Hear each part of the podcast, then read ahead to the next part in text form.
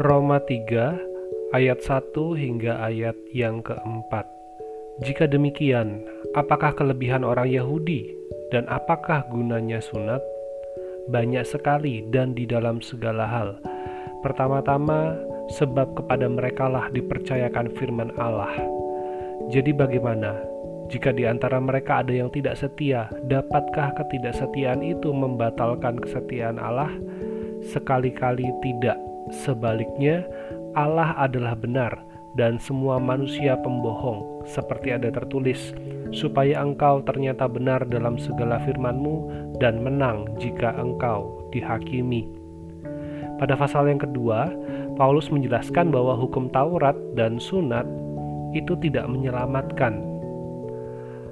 Lalu dalam pasal ini Paulus menjelaskan bahwa bukan berarti sunat dan Taurat adalah sia-sia.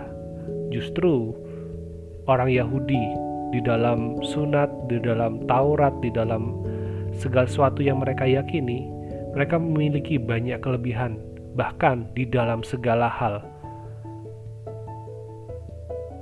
Kelebihan dari bangsa Israel pertama-tama adalah firman Allah itu sendiri.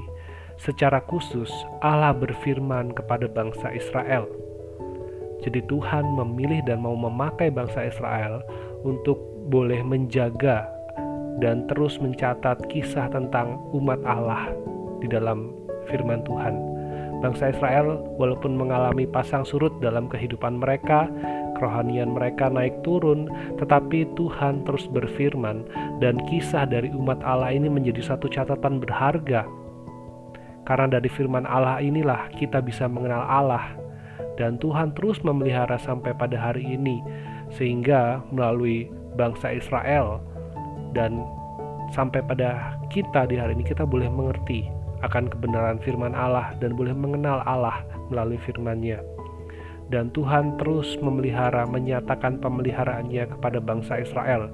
Bahkan ketika bangsa Israel gagal, ketika bangsa Israel tidak setia, kita boleh juga terus melihat akan kesetiaan Allah, akan rencana Allah, akan tujuan Allah memilih dan terus memakai bangsa Israel.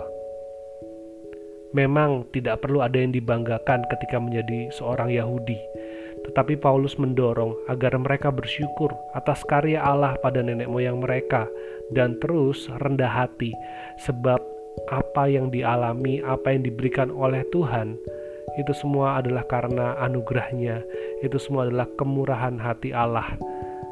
Allah tetap setia pada janjinya, Allah tetap setia pada umatnya, walaupun Israel tidak setia pada Tuhan. Itulah Allah yang luar biasa, penuh dengan belas kasihan, dan ia adalah setia memegang janjinya pada umatnya.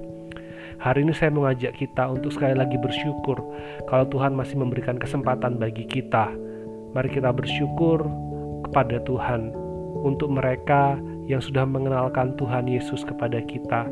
Kita bersyukur mungkin orang tua kita yang mengenalkan kita, atau teman kita, atau mungkin ada misionari-misionari yang memberitakan Injil pada kita.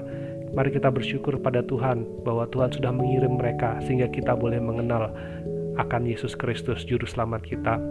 Uh, mari kita bersyukur atas kemurahan Allah di dalam segala kelemahan dan kegagalan kita.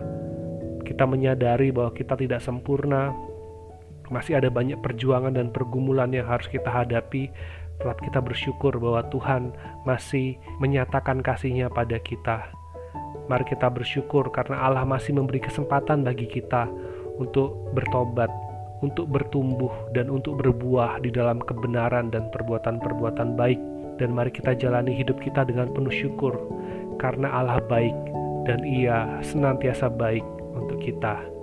Kiranya firman Tuhan ini boleh menolong kita menjalani hidup kita dengan penuh syukur dan dengan kerendahan hati. Tuhan Yesus memberkati.